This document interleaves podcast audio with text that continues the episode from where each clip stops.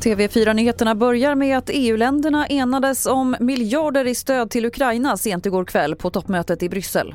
Europas ledare kunde slå fast Ukrainas stödet på 18 miljarder euro samt ett nionde sanktionspaket mot Ryssland.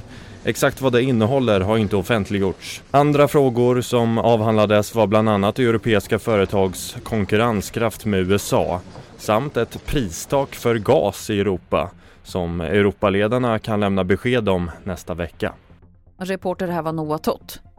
Och sent igår kväll fick räddningstjänsten rycka ut till aphuset i Furuviksparken efter att ett automatlarm löst ut. Men de kunde inte gå in eftersom de schimpanser som rymde häromdagen rör sig fritt där inne. Ingen eld upptäcktes och strax före midnatt lämnade räddningstjänsten området.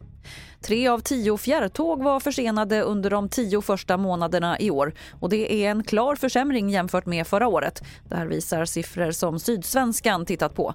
En orsak är enligt Trafikverket att trafikvolymen ökat igen efter att de gick ner under pandemin. Fler nyheter finns på tv4.se. Jag heter Lotta Wall.